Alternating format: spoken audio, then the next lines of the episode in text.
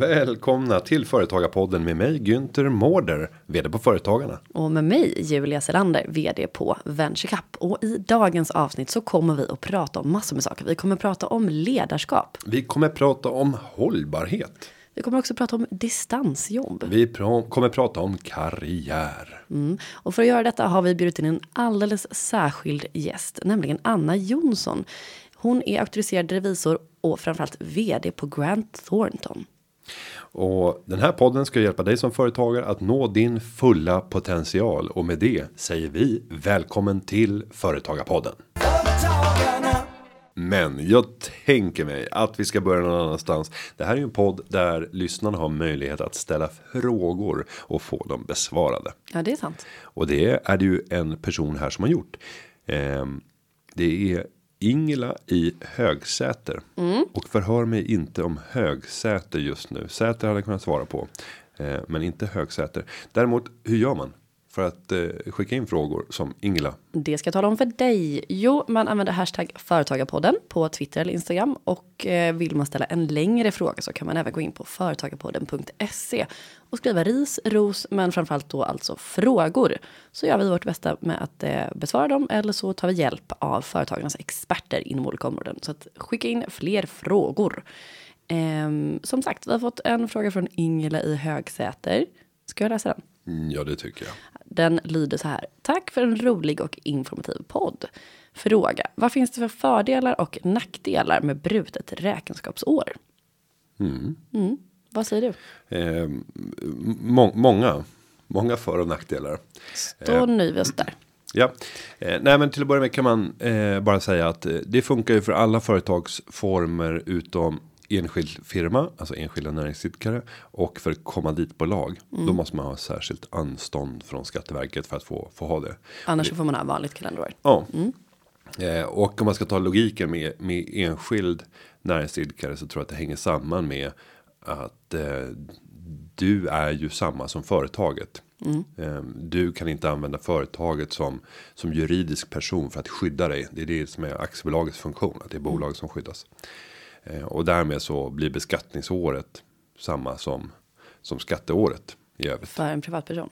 beskattningsåret samma som skatteåret som verksamhet. Ja, men som som det personliga deklarationsåret som fysisk person. Ja. För där kan vi ju inte. Vi kan ju inte välja som privatperson att säga att jo, men mitt liv ser lite annorlunda ut. Så att jag undrar om jag ska nog inte lämna in deklarationen i maj, utan jag tänker att jag ska lämna in den i februari och då ska mitt bokslut för året sträcka sig fram till eh, okto sista oktober. Men det kanske hade varit något. Jag bara tänker för att man skulle underlätta för alla eh, revisionsbolag och eh, ja. Jo, men vi kan och där kan vi komma till till den aspekten. Men varför ska man ha ett annat räkenskapsår än eh, verksamhetsår? Ja, men jag tänker eh, VentureCap, Eller- om vi tar det som ett exempel, är ju en ideell förening. Det vill säga vi får ha brutet räkenskapsår. Vi har haft det tidigare. Nu har vi inte det, men Och vad hade ni då? Kommer ihåg? Första juli misstänker jag ja, var ert eh, start på nya året. Exakt, och det var ju för att eh, vi fortfarande har så här att vi, vi, vårt verksamhetsår börjar och slutar i september kan man säga. Eh, för att vi jobbar väldigt nära med eh, universitet och, högskolor och det är många studenter och forskare som tävlar i VentureCap och då börjar vi och öppnar tävlingen där och så har vi första eh, idétävlingen under hösten, startup-tävlingen under våren och så krönar vi allting med Sverigefinalen då som är den stora, största eventet i september och då liksom stänger vi och öppnar för våra kunder och användare där. Så att då är det ganska bra att ha brutet räkenskapsår när man ska jämföra statistik exempelvis. Att okej, men hur många var med under det här verksamhetsåret och tävlade? Vilka var vinnarna? Hur var resultatet och så vidare? Så att då blir det lite mäckigt om man ska jämföra hösten, våren hela tiden. Eh, eller ja, våren, hösten blir det då. Men eh, det har vi gått tillbaka till så att vi har inte brutit, men vi fick ha det. Fördelar och nackdelar absolut. Nej, men där tycker jag att en bra organisation där det har kunnat finnas en logik. Eh, För då skulle man kunna titta i förhållande till er final. För efter finalen då kan man ju säga att den här det här årets omgång är nu över. Ja. Nu laddar vi för det nya. Exakt. Då borde året brytas direkt efter finalen.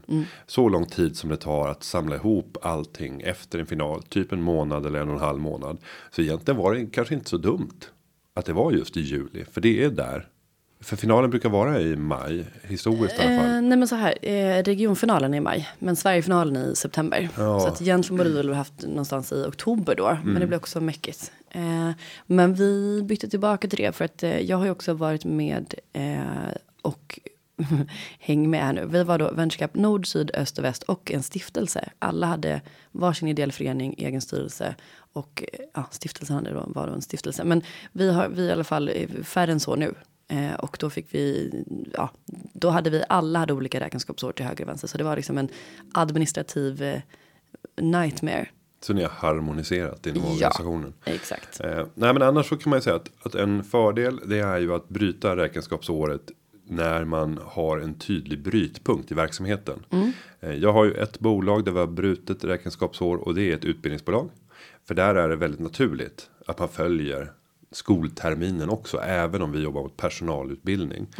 Eh, så bryter vi mitt under sommaren. Och det finns ett skäl och det är att det är väldigt lugnt. Hela vår verksamhet dör egentligen från så här 15 20 juni.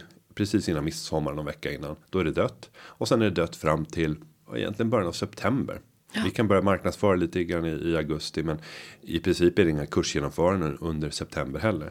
Så därför har vi första juli som starten på året. Alltså egentligen svar till Ingela är att ja, men fördelar och nackdelar beror på verksamhetens eh, art kan man säga. Ja, det innebär ju att när, när ett verksamhetsår tar slut, då ska ju du ta vid och göra det här bokslutet. Och då vill man inte att det bokslutet ska komma precis i den värsta högsäsongen. Där man ska få in majoriteten av sina intäkter. Det bästa är ju att titta, hur kan jag lägga året så att jag får bokslutsarbetet under en period då det är mycket lite annat att göra. Ja. Och sen så funkar det inte då om man har enskild firma. Nej, det går inte. Men sen så tänker jag att ett tips är ju då att om man är intresserad av att eh, byta, hur gör man då? Skatteverket. Nej, men du går in och registrerar på verksam.se. Där kan du byta. Och eh, det är väl det är förenat med någon liten administrativ kostnad. Och då får man ju välja om man kör antingen ett förkortat år eller ett förlängt verksamhetsår. Det kommer ju att bli konsekvensen. Eh, och jag tror att det finns regler kopplat till hur långt ett förlängt verksamhetsår får vara. Eh, och någonting inom mig säger 18 månader. Alltså om det blir 19 månader så är anses det inte okej. Det här kan vara helt fel. Helt Jag, fel jag det tycker att vi lyssnar på Jag och kill- killgissning här. Ja. Någonting inom mig säger ändå. Mm. Nej men jag tror att du faktiskt har rätt. Du har ju ofta det. Ja. Tyvärr. Nej men ta tack och lov. Mm. Tack och lov. Det är bra. Eh, men eh, tack för frågan Ingela. Då ja, vet vi. så gå ut och fundera över ditt verksamhetsår. Nu har det blivit dags att bjuda in en alldeles särskild gäst. Mm, jag är så spänd. Hon eh, kom in på revisionsbanan redan 1998 och då som den här klassiska inträdestjänsten revisorsassistent. Eh, nu pratar vi hundjobb oftast. Och jag ska fråga henne om det var hundår. Man brukar ofta prata om att när man går in i den här revisorspyramiden, hierarkin, så får man göra väldigt mycket eh, tufft jobb under de första åren för att sen klättra successivt i drömmen om att få inträda i det eviga partnerskapet, inte eviga men i, i partnerskapet. Och sen så som grädde på mosen eller lök på laxen så kan man även krydda det här partnerskapet med att bli vd för den byrå som man jobbar för. Och det är ju precis vad vår nästa gäst har blivit. Så vi säger varmt välkommen till Grant Thorntons vd Anna Jonsson. Och då har vi äntligen Anna i studion nylandad med eh, flygplanet från Visby. Välkommen till Företagarpodden. Tack så jättemycket. Och då vill man ju också höra. Eh, nu kommer du inflygandes från ön på morgonen och sen så åker du tillbaka till ön i slutet på eh, torsdagen va? Ja, Så du, du lever ditt, eh, ditt gamla drömliv på den plats som du älskar men arbetar i Stockholm och övriga Sverige och du ska till London i ja jag Ja. flyger runt och eh, Eh, vi har ju 24 kontor också runt i Sverige. Så att ja, men jag utgår från Gotland.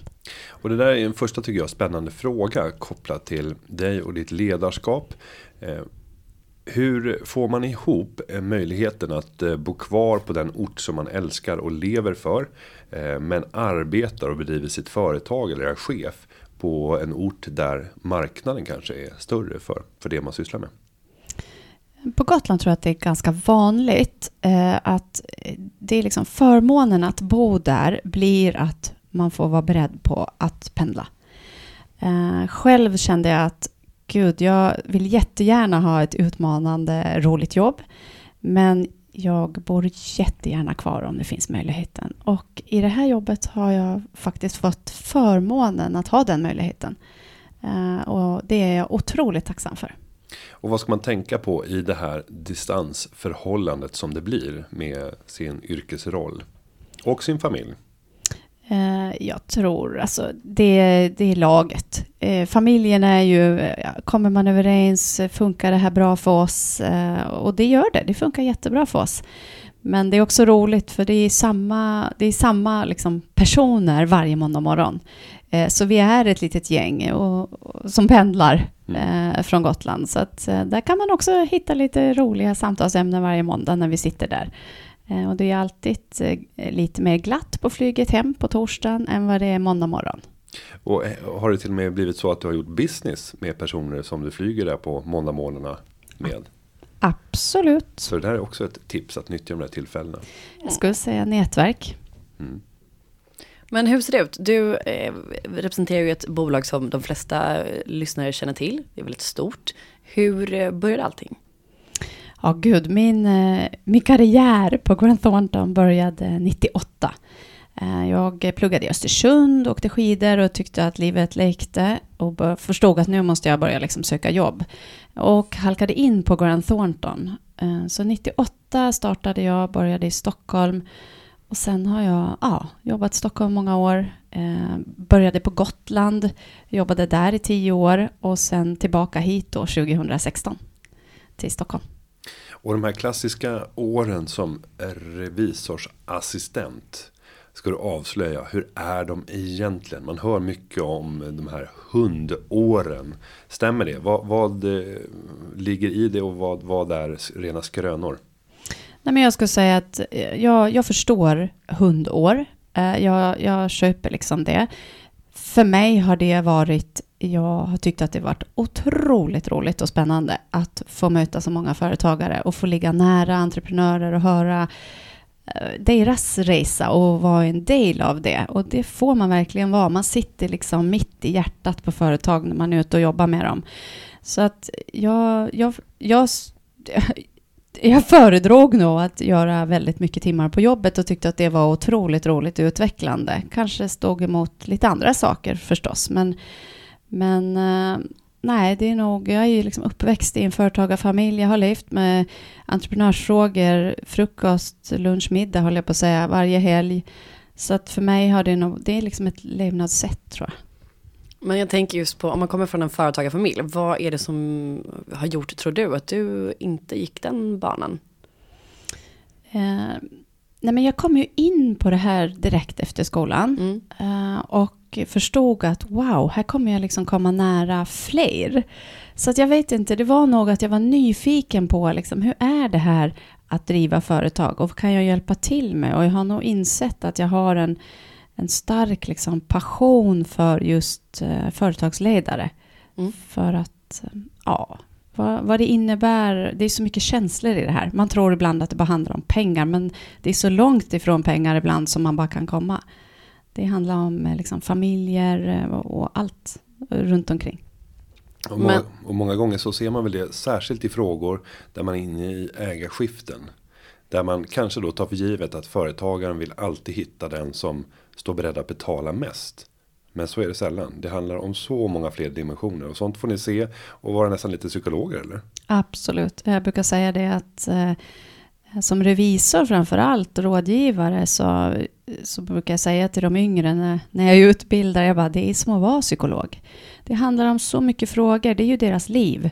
Eh, och det är kanske det som också har präglat mig, för jag har ju fått det från att det har ju varit mitt liv och mina föräldrars liv, så att jag säger att det handlar om så mycket mer än, än bara liksom pengar. Och jag, Jag har så många exempel på där man tror att man värderar företagen högt och de vill ha den, liksom, de köparna som betalar mest. Nej, det handlar om vem ska ta hand om mina medarbetare? Vem ska ta hand om min bebis längre fram? Eh, jag har också hört väldigt många som har ångrat sig när de, efter de har sålt. Hmm. Mm. Ja, men jag tänker att det är en fördom eh, som många kanske har. Att men, eh, revision och så, nej men det är bara siffror. Det skulle jag aldrig vilja jobba med. Men det, det här är alltså en annan bild. Ja, det skulle jag säga. Det gäller att vara beredd på alla frågor. Gud vad spännande. Men det var inte så att du började på Grant Thornton med siktet inställt på att om 20 år, då jäklar ska jag till toppen? Nej, nej verkligen inte. Utan jag, nej, jag har nog eh, levt liksom eh, dag för dag, håller jag på att säga. Men jag har känt att nej, men jag ville ha nya utmaningar eller um, liksom gå någon annan väg så har jag fått möjlighet till det. Och eh, det är väl det som har gjort, för det är klart att jag får frågan ofta, du har varit på Gwen Thornton i 20 år Anna, hur, hur kan du? Men jag sa, det, det har varit som ett nytt jobb flera gånger för mig. Uh, så att uh, så länge du får utmaningar där du befinner dig så har jag varit jätte jättenöjd. Jag tänker också att det här är ett väldigt ödmjukt svar. Eh, det ligger ju naturligtvis otroligt hårt arbete och det brukar väl vara så att har man en passion, ett intresse för det man jobbar med och jobbar hårt, då, då öppnar sådana här möjligheter upp sig lite oftare kanske än för andra. Ja, och jag, i och med att jag är ute på universitet ofta så säger jag alltid så här, ta chanserna när de kommer. Ha modet att ta chansen. Det enda, liksom det värsta som kan hända, det är att du misslyckas. Men vet du vad, du kommer ha lärt dig massor på vägen. Eh, så att eh, erfarenhet kan ingen ta ifrån en. Så bara ta chanserna. Det är mitt liksom, ja, hetaste tips. Och, och ett tips där till både dig som driver företag eller dig som gör karriär inom ett företag. Det är att tillvarata de här möjligheterna som föräldraledighet innebär och andra typer av kortsiktiga vikariat internt i organisationen. Alltså är man företagare, att inte se en nackdel med det utan det är en möjlighet. När en medarbetare försvinner iväg på föräldraledighet då finns det en möjlighet för dig att testa någon av de personer som du ser som en möjlig kommande person i det ansvarsområdet. Och för dig som befinner dig på andra sidan och är arbetstagaren, ta de möjligheterna. Men framförallt att uttala ambitionen, för det, det vill jag ofta se som, som chef. Att anställda berättar vad vill du göra i ditt liv? Vilken riktning vill du att din yrkesmässiga karriär ska ta? För att jag har varit med om flera gånger där personer har sagt upp sig för att de har hittat ett nytt jobb eller blivit erbjudna ett nytt jobb i en riktning som de har velat gå i. Och sen så har de redan signat på utan att ställa frågan till sin nuvarande chef. Vad kan jag få göra inom ramen för det här ansvarsområdet om jag skulle vilja göra det redan idag? Och, och, inte sällan så kommer man då som chef och börjar erbjuda, men det där kan vi ordna. Vi kan göra en roll som skapar för att vi vill att du ska vara kvar. Och så kommer arbetstagaren säga att, ja men jag vill ju vara kvar, men nu har jag redan signat på det här så jag kan inte svika det. Eh, och det där är tråkiga situationer. Så att var tydlig redan från början med vad skulle du vilja göra i, i nästa steg. Men det är mycket att eh, planera och det är svårt att, eh, om vi går tillbaka till företagarrollen, att eh, planera och få ihop sin tid. Och det, nu försöker jag göra en sån här En radioövergång. ja, en brygga över till vårt eh, stora diskussionsområde. Och det är entreprenörens tid, alltså entreprenörstid. För där har vi bestämt oss för att göra en rolig sak tillsammans. Anna, vill du berätta? Ja, men jättekul. Vi sa ju det, vi måste ju, vi måste ju skapa fler växande bolag i Sverige. Hur kan vi hjälpa till? Uh, och och eh, entreprenörstid föddes ju ur det här med att vi är oftast i, om vi ser det som en prestationszon. Du vet, vi levererar all kompetens och all kunskap vi har inom oss och det går fort och det är liksom på max hela tiden. Eh, men vi måste ju också skapa utrymme för reflektion. Eh, och vi säger ju att när vi tar oss tid för reflektion, det var du inne lite grann på där, ta tiden liksom när den kommer, föräldraledighet eller vad det kan vara så är det ju en typ av utvecklingszon. Vi måste ju få in liksom nya erfarenheter och eh, hinna träffa nätverk. Eh, helt enkelt eh, tänka liksom långsiktigt. Och det är väl en sån tanke vi hade här. Men hur kan vi eh, skapa eh, tid för företagarna, entreprenörerna att zooma ut och se det ur ett större helhetsperspektiv. Eh, så här tänkte vi att men där kan vi göra någonting tillsammans. Vi borde kunna hjälpa företagare att skapa de här utrymmena. För jag säger ju det, de bästa idéerna de får du när du klipper gräset eller när du eh, går till bussen eller vad det nu är. Det är inte när du är i prestationszonen. Utan vi behöver mer in i reflektion och eh, utvecklingszonen om vi delar upp det i två. Och då kommer vi att eh, lansera inom kort lite olika verktyg och checklistor och hjälp till dig som företagare för att kunna just utvecklas och skapa den här entreprenörstiden. Och eh, vad, vad tänker du är det viktigaste där? Eh, det jag tänker det är att, att man ska få en möjlighet eh, just för att tänka mer långsiktigt. Eh, och när vi tänker stort och långsiktigt som företagare, då tänker vi också hållbart. Då tänker vi ju över lång tid. Hur ska jag nå nya mål? Eller vad är viktigt för oss framåt? Och så beaktar man också omvärldsperspektiv och vad händer i min bransch? Vad händer på marknaden? Nu har vi ny regering. Vad innebär det för mig som företagare? Kommer det eh, att påverka mig? Vi står inför Brexit. Vad innebär det? Eh, och jag tror att företag, eller jag skulle kunna faktiskt säga till och med att jag vet att företagarna lever i den här prestations, det är operativa frågor, det, vi, det är ju, går ju snabbt idag. Så att det här vill vi ju hjälpa dem att skapa. Zooma ut eh, och sätta sig, komma in i det här entreprenörsflowet, skulle vi kunna kalla det för. Och det innebär att du som företagare kommer direkt på företagarnas sajt kunna få mängder av inspiration och hjälp när det kommer till viktiga frågor. Det kan handla om sådana saker som ägarskiften. Hur ska man tänka när man tar in en eh, ny ägare eller kanske skiftar ägare helt. Mm, En annan fråga är ju när du ska lämna den operativa befattningen som företagare och du kontrollerar allt. Du är i princip både ägare, styrelseordförande och vd i ett. Så ser det ut för de allra flesta. Och sen när du bestämmer dig för att nej, nu är det dags för mig att släppa fram en extern vd. Ett otroligt känsligt tillfälle i ett företags eh, per- livstid kan man säga. Och, och där har ju ni mängder av erfarenheter. Ni har följt det här från nära håll. Och suttit vid sidan av personer som har bestämt sig för det här. Och ibland lyckats och ibland inte lyckats. Nej, så ska vi, vi har ju tittat mycket på också det här att det kanske finns många som vill generationsskifta, men det finns inga mottagare. Eh, Så också det är ju en fråga liksom. Eh, Okej, jag har bestämt mig för att jag ska eh, generationsskifta eller ägarskifta. Men det gäller ju också att hitta någon mottagare där ute. Så det är ju extremt många frågor.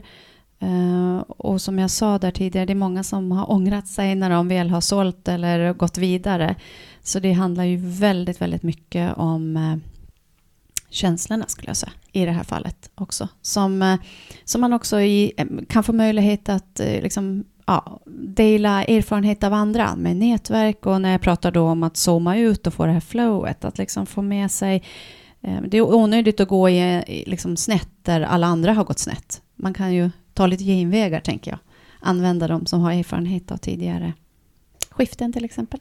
Jag har ju en, en tanke här att eftersom att du reser en del år, eh, inte minst mellan Gotland och Stockholm, är flyget en sån plats för dig där du får lite perspektiv på, på beslut och hittar liksom en lucka där du bearbetar saker? Eller sitter du och jobbar liksom konkret?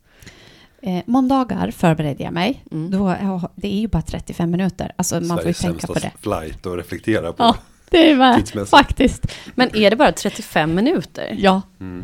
Är, så Men då man, får man ingen fika på flyget? jo, Jo, ja, de hinner. Jo, de så du- kastar ut det. Det är ändå bra jobbat. Och, ja, nej, då, då förändras ju frågan något. Jag förstår Ja. att man inte kanske hinner smälta så mycket intryck på 35 minuter, varav en kvart är eh, ja, resning av flyget och en kvart är nedgång. Så fem minuter däremellan. ja. Mm. Nej, så min tid, den hämtar jag när jag promenerar i naturen. Okej. Där reflekterar jag. Och då hade du inte med dig mobilen eller? Nej, Nej. ingen mobil. Mm. Men när vi ändå befinner oss på flyget till, eh, till Visby så tänkte jag ändå dra en, en eh, anekdot från här i våras. Då var jag nere och flög ner över dagen bara för att jag skulle göra inspelningar inför Almedalen. Jag skulle stå på scenen i, i Almedalen och i, hålla talet som vi ville att partiledarna skulle hålla. Eh, Men då flög man ju ner på morgonen och sen hem på eftermiddagen. Och döma min förvåning så var det en av personerna var samma på flighten som precis hade prickat in de här. Och det går ju ganska många flighter ska man säga. Det är två olika bolag som flyger, både SAS och, och Bra. Men då reflekterade jag över att han satt och klockade flighten.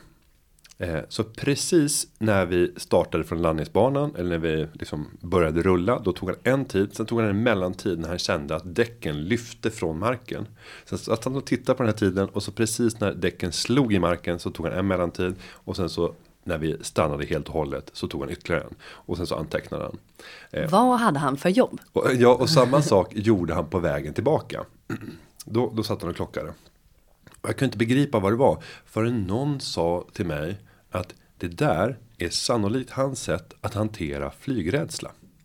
Mm. Han sitter och fokuserar på någonting helt annat. Och apropå det här med hur ska man hitta fokus? Hur ska man liksom sortera bort sånt som stör och brus?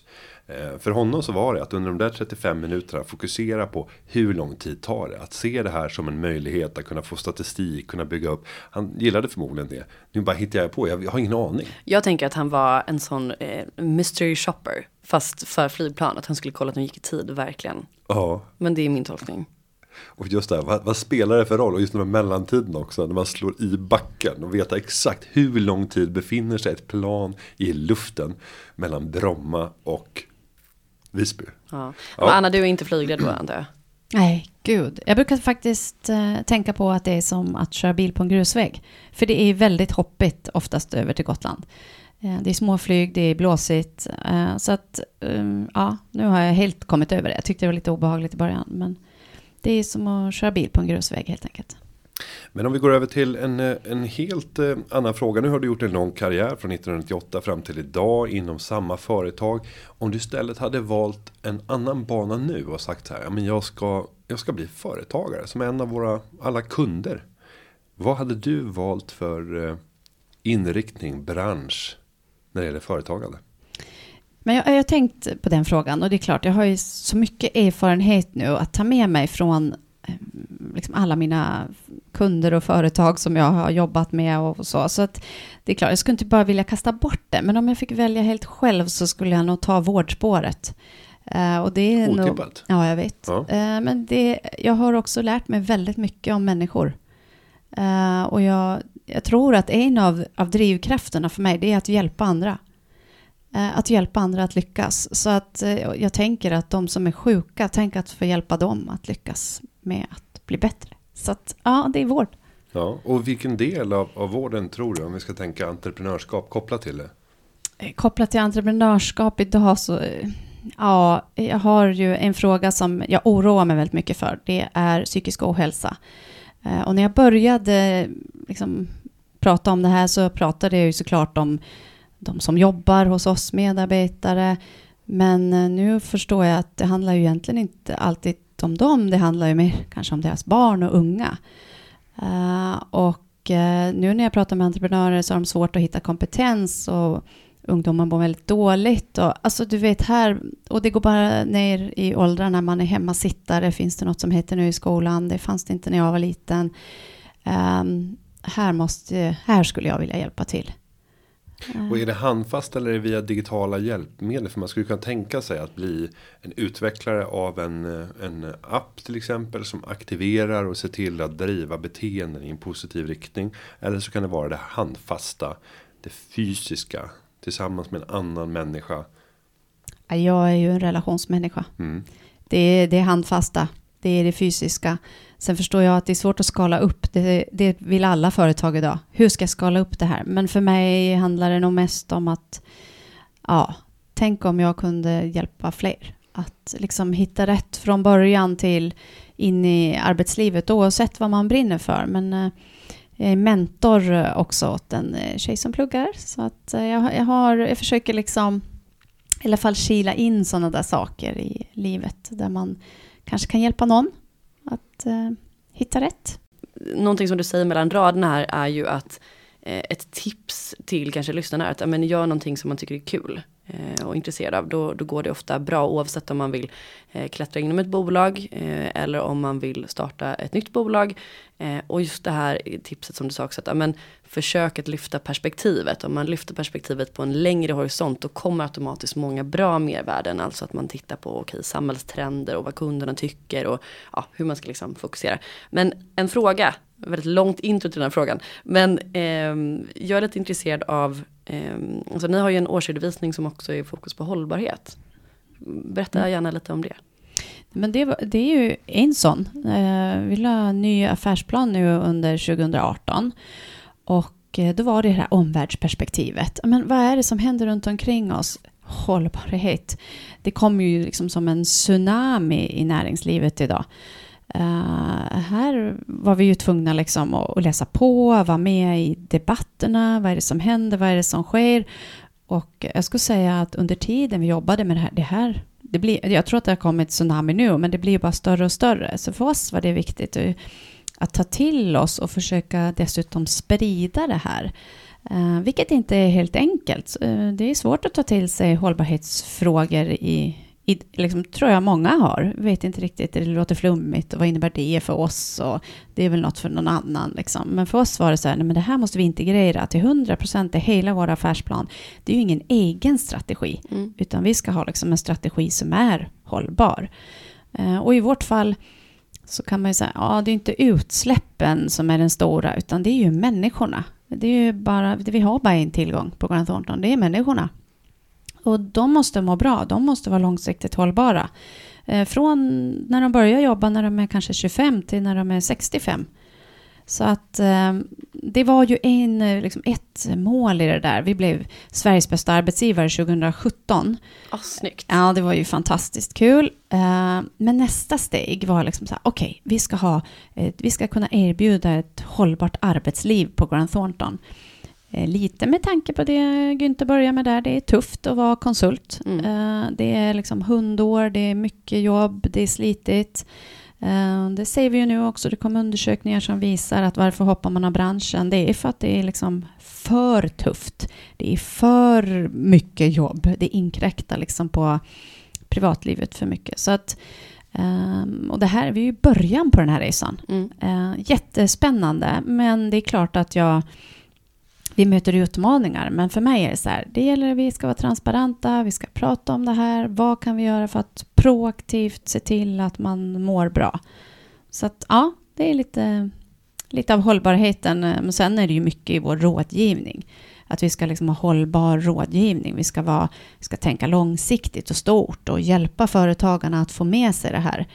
Sen har vi ju eller rådgivare inom bara hållbarhet också för att sprida kunskapen till företag och entreprenörer. Vad, liksom, vad är viktigt för att du ska få med ett hållbarhetsperspektiv? För att de bolagen som kommer överleva. Eh, jag hörde en, eh, en forskning från, och de presenterade från Harvard bland annat. Det är liksom de som har bra, genuina eh, relationer med kunderna. På andra plats var det talanger, medarbetarna, mm. att man har liksom medarbetare. Det tredje är att du jobbar med hållbarhetsfrågorna. Uh, så att det här kommer ju uh, mer och mer. Ja, men jag tänker också att det är ju som du är inne på, inte bara för att man ska plisa någon slags eh, liksom, omvärld, utan det är för att det är viktigt. Det mm. skapar värde för bolaget och då blir det också bra business av det här. Det blir också roligare att jobba. Mm. Mm. Men sen för att driva förändring så krävs det ju en faktor och det är tid. Och för en företagare så är oftast tiden en enorm bristvara. Nu pratar vi entreprenörstid. Ehm, ja, vad kan man göra för att bli av med tidstjuvar som företagare? Om vi tittar utifrån ert perspektiv. Ni analyserar väldigt många företag genom era revisioner, genom er konsultation. Kan man prata om några särskilda tidstjuvar eller där det finns mycket ineffektivitet när man ser till företagarens tids engagemang eller tidsdisposition? Men om jag skulle eh, generellt säga, det finns massor med frågor, men det är väl det som också är problemet. Man fastnar i vardagen och man zoomar inte ut. Eh, att tänka så här, okej, okay, hur bör jag organisera det här på bästa sätt? Har jag ordning och reda? För har jag inte det, då går det massor med tid till att bara i det här virrvarret liksom försöka skapa någon fram, eh, framdrift i bolaget. Och, och jag tror faktiskt att den, den, det största problemet är att du, du är så stressad så att du inte tar dig tid att klippa gräset och komma på den bästa idén. Eller plocka in en resurs till som kan avlasta dig och skapa den här ordning och redan. För företagarna är ju oftast de liksom som är drivkraften. De är ju, de, ja, så att därför så kör de bara på och springer snabbare och snabbare och snabbare. Men det, det går inte. Utan du måste liksom, okej, okay, hur kan jag organisera det här på ett annat sätt? Eller vad kan jag skapa för att ge mig själv mer tid till att hinna göra det jag är riktigt bra på? Ehm, så det kan ju vara någon som tar hand om, inte vet jag, om man gör ekonomin eller lönerna eller eh, vad det nu kan vara, liksom, marknadsföring. Gör, se till att de skapar tid för det de är bäst på. På det som gör att de skapar liksom, tillväxt i bolaget. Eh, så det är väl ibland blir det, jag tror man använder ibland tiden på fel grejer. Men ett ganska bra tips där tycker jag är att ställa sig själv frågan.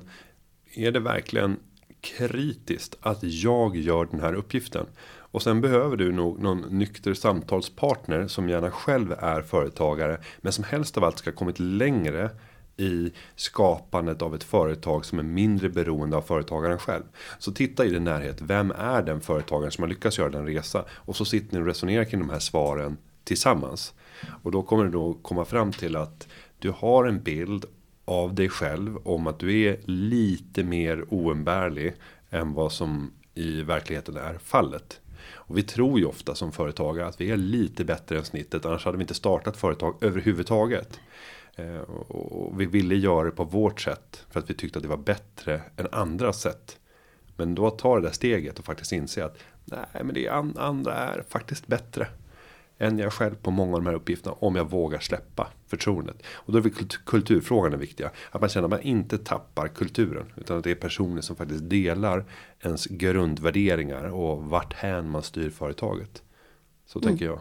Jätteroligt. Eh, just det här med att du tar upp kulturen. För att eh, jag satt faktiskt förra veckan och pratade med en företagare som vill ta nästa steg och finansiera och växa.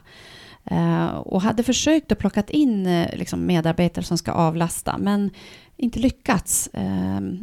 Och, och då kom vi fram till att, men vet du vad, du har inte förmedlat kulturen. Du måste förmedla, vad är, det du, vad är det du vill? Var transparent med det. Jag menar, kunskapen, det kommer de få ändå. De kommer liksom lära sig, men Eh, kulturen är otroligt viktig. Att gå in i sådana här bolag eh, liksom entreprenörsledda ägare som är helt galna och drivna. Eh, det kan vara svårt att komma in där om man inte vet vad är det, vad är det de vill. Så att jag tror att ett tips är att vara, vara transparenta med vad ni verkligen söker och vad som är viktigt för er. Så blir det lättare. Men eh, visst är det så. Entreprenörstid är ju att ni ska skapa nya eh, liksom, nätverk, eh, samla erfarenheter och få nya intryck. Ja. Ja, och det här kommer vi att försöka hjälpa dig som företagare med här under de kalla månaderna och när det väl bryter upp och sen blir lite varmare. Så under de kommande månaderna så kan du gå in på företagarnas sajt. Där kommer du hitta mängder av bra checklistor, artiklar, tips och tricks under epitetet entreprenörstid. Där Grant Thornton är den som bidrar med mycket av sakinnehållet med hjälp av sina kunskaper, sin kompetens utifrån fältet. Med det så vill vi här från Företagarpoddens sida tacka dig Anna för att du tog dig tid att komma hit och eh, diskutera de här viktiga frågorna. Stort tack! Tack så mycket! Tack snälla! Och där är Anna ute från studion. Jag och Julia sitter kvar med eh, mängder av intryck. Mm. En eh, hel del kärlek till ett härligt samtal med en person som har följt sin inre längtan, sin inre lust utan att planera och säga att hit ska jag. Men jag tycker att det är ganska vanligt. Nu har vi förmånen att prata med många otroliga entreprenörer och företagsledare och experter inom olika områden och det är väl ofta så det är. Att är man genuint intresserad av ett område dyker de här upp, områdena upp och man kan klättra eller det blir liksom naturligt. Man gillar utmaningar och jag tycker att, att Anna är ju en fantastisk person som är ganska, ja men jag tror att det var du som sa det, ganska otypisk vd det är väl en komplimang får man säga. Som sista medskick till dig som lyssnar så tänkte jag att vi ska be om din hjälp. Till sommaren så ska det släppas en tidning där vi presenterar 103 unga idéer. Ni har fått möta många av dem som har varit med på den listan i den här podden. Det brukar vara en vanlig sak att eh, först så kommer man med på listan och därefter så bjuds man in för att berätta om sitt entreprenörskap i podden. Och nu vill jag ha hjälp av dig. Vilka är de här 103 unga lovande företagarna som har spännande idéer och det kan vara entreprenörskap i tidigt skede. Skicka in och nominera dina förslag till den här listan. Det går att hitta på företagarna.se under eh, februari. Jag tror nästan februari ut att vi kommer att samla in nomineringar för att sen gå in i hårt arbete och börja göra den här listan. Och när är man ung enligt företagarna? Ja, upp till 30 enligt den här listan. I'm sorry. Jag har precis fyllt eh, 31. Ja. Första februari om någon vill gratta mig efterskott. Men man tillhör ju företagarna X, alltså vårt nätverk för unga företagare tills man är mentalt eh, under 35 år. Och där befinner jag mig fortfarande. Mentalt under. Ja, vi brukar säga så. Ja.